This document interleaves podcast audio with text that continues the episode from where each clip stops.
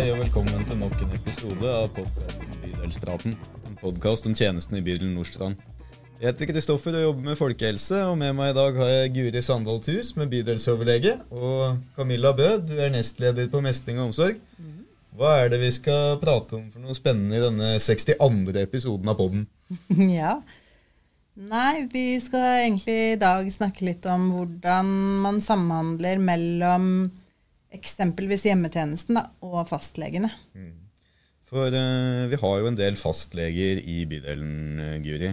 Ja. Ja, og de eh, har jo du et, et slags koordineringsansvar for, men, men de jobber ikke her i bydelen. Kan du ikke si helt kort litt om hvordan det er organisert med fastleger først? Jo, eh, vi har jo eh, 40 fastlegehjemler i bydelen hos oss. Mm. og fastlegene de er organisert som selvstendig næringsdrivende. Der bydelen har et ansvar for å ansette og rekruttere nye fastleger og sørge for at vi har mange nok.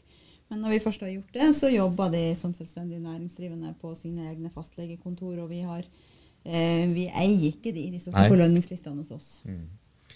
Og det, ikke sant, at de på en måte ikke er her, og at de er selvstendig næringsdrivende, det gjør jo at vi kanskje har noen utfordringer i praksis. For det er jo sånn at da man ikke er organisert i sammen, så er det ikke sånn at man snakker sammen hver dag.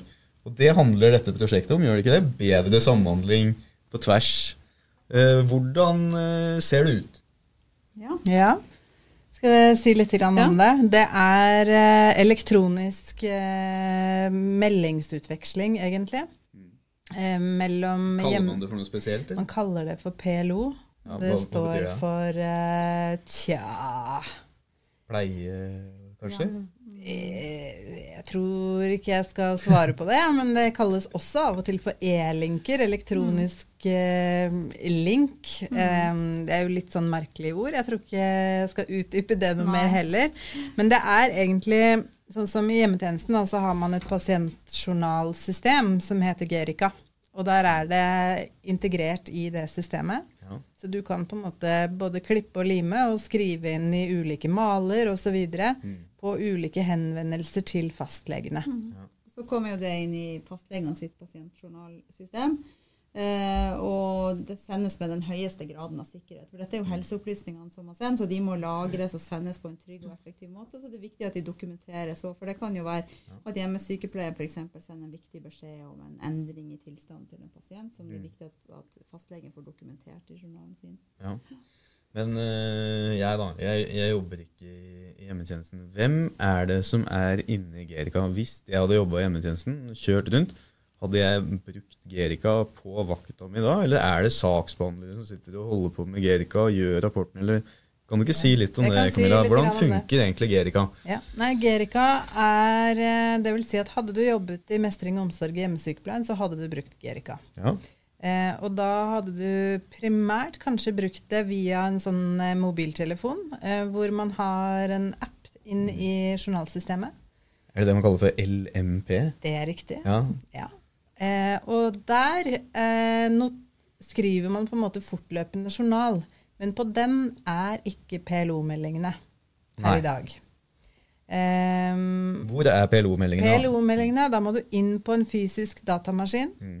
Eh, og så er det inne i Gerica, men i på en måte Du må åpne en PC rett og slett for å kunne komme inn i systemet. da.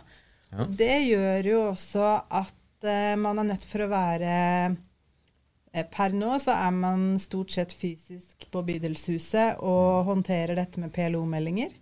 Og det er også en, eh, en kanal til eh, Oslo eh, universitetssykehus på avdelingene der. Ja. Sånn at vi har saksbehandlere som sitter hver eneste dag, for her får vi også meldinger fra sykehuset om utskrivningsklare pasienter.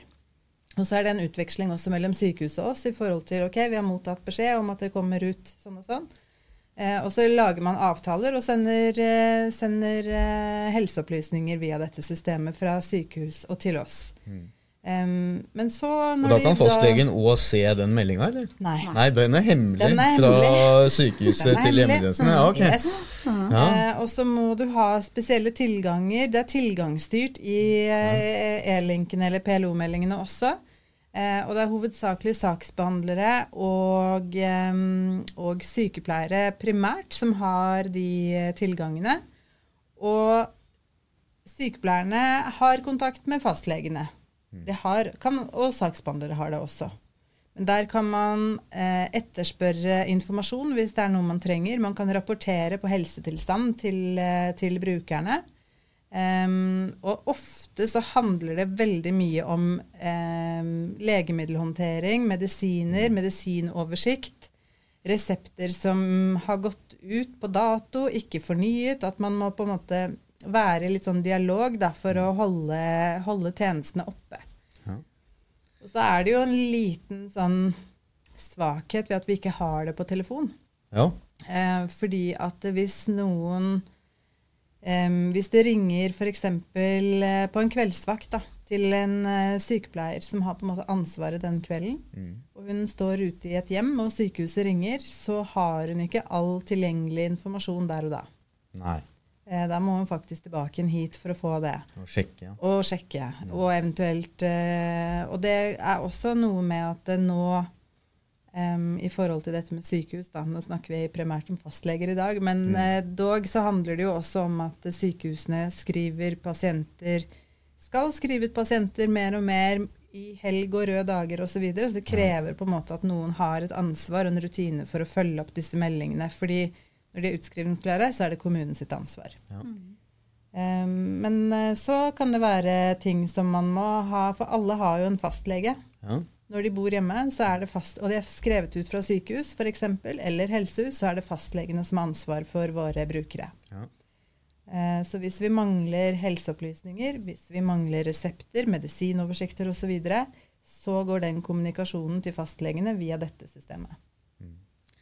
Ja, Det er mye informasjon som går eh, på kryss og tvers her, da, mm. høres det ut som. Mm, mm. Eh, og Guri, hva er noen av gevinstene da, med å ha tatt i bruk eh, dette systemet? Det som er fint med dette systemet, er jo at det er lett å utveksle korte opplysninger. Og man kan også klippe ut deler, som Camilla sa, fra fastlegen sitt journalsystem og sende det til eh, hjemmesykepleien sitt journalsystem. For disse journalsystemene i helsevesenet snakker ikke på tvers. Nei. Det er jo mange som tenker at, eh, at, det er et stort felles system der alt av helseopplysninger ligger, men hvert helseforetak og hver instans har sitt system. Mm. Og sånn bør det kanskje være for å ta godt vare på pasientsikkerheten, så ikke for mange har tilgang til for mye informasjon. Men vi trenger å utveksle informasjon. Og ofte så eh, trenger kanskje hjemmesykepleien å få en avklaring på noe fra en fastlege uten å måtte stå i en lang telefonkø eller mm. bestille en time. Så for liksom korte avklaringer som ikke krever enn at uh, fastlegen får gjort en veldig grundig vurdering f.eks. av en mm. pasient eller en brukeren, så, så, er det veldig fint å kunne gjøre sånne avklaringer på elektroniske meldinger. Ja. Ligner det litt på en slags kryptert e-post? Ja, men så finnes det en del sånne strenge regler for eh, formatet eh, ja. likevel. Fordi at eh, det er Og det er jo det som vi har samarbeida mye om, da, å prøve å lage de felles kjørereglene for fastlegene og hjemmesykepleien. Mm. Sånn at eh, man f.eks. Um, hvis at hjemmesykepleien er hjemme hos noen som de blir alvorlig bekymra for, så hjelper det ikke å sende en, en sånn PLO-melding og si nå har pasienten brystsmerter og virker kort i pusten. Fordi mm. fastlegen har inntil tre virkedager på å svare på en sånn PLO-melding. Ja. Så det er litt viktig at man ikke sender en sånn type informasjon. Eh, og så at eh, det er for sånne korte, enkle problemstillinger som man kan svare ut ganske greit. At man er mm. liksom litt nøye på, på det formatet. Så ja. det jobber vi mye med på begge sider for å litt få fastlegene til å svare bra nok og tidlig nok, og litt for å få hjemmesykepleieren til å formulere gode spørsmål, så man får gode svar. Ja. Klarer vi det, da? Vi blir alltid bedre. Ja, ja jeg syns det.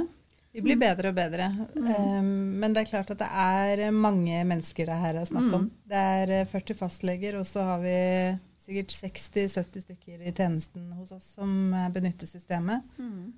Og så er det nye, og så er det vikarer, og så er det ditt. Fastleger fra andre bydeler. Og det har vi jo også sett, da. At uh, brukerne våre har jo fastleger også utenfor egen bydel, mm. som ikke er en del av de 40. Ja. Uh, og det er jo utfordrende i forhold til um, samhandlingen og rutiner osv. For hvor bredt klarer vi liksom å ja, det er enklere når de er i egen bydel, da. Ja, jeg skjønner at det er en uh, stor maskin. Uh, til og med små saker som PLO-meldinger kan bli en veldig spennende episode av uh, podkasten Bydelspraten. Så takk til dere for at uh, dere kom. Og podkasten Bydelspraten er tilbake om to uker.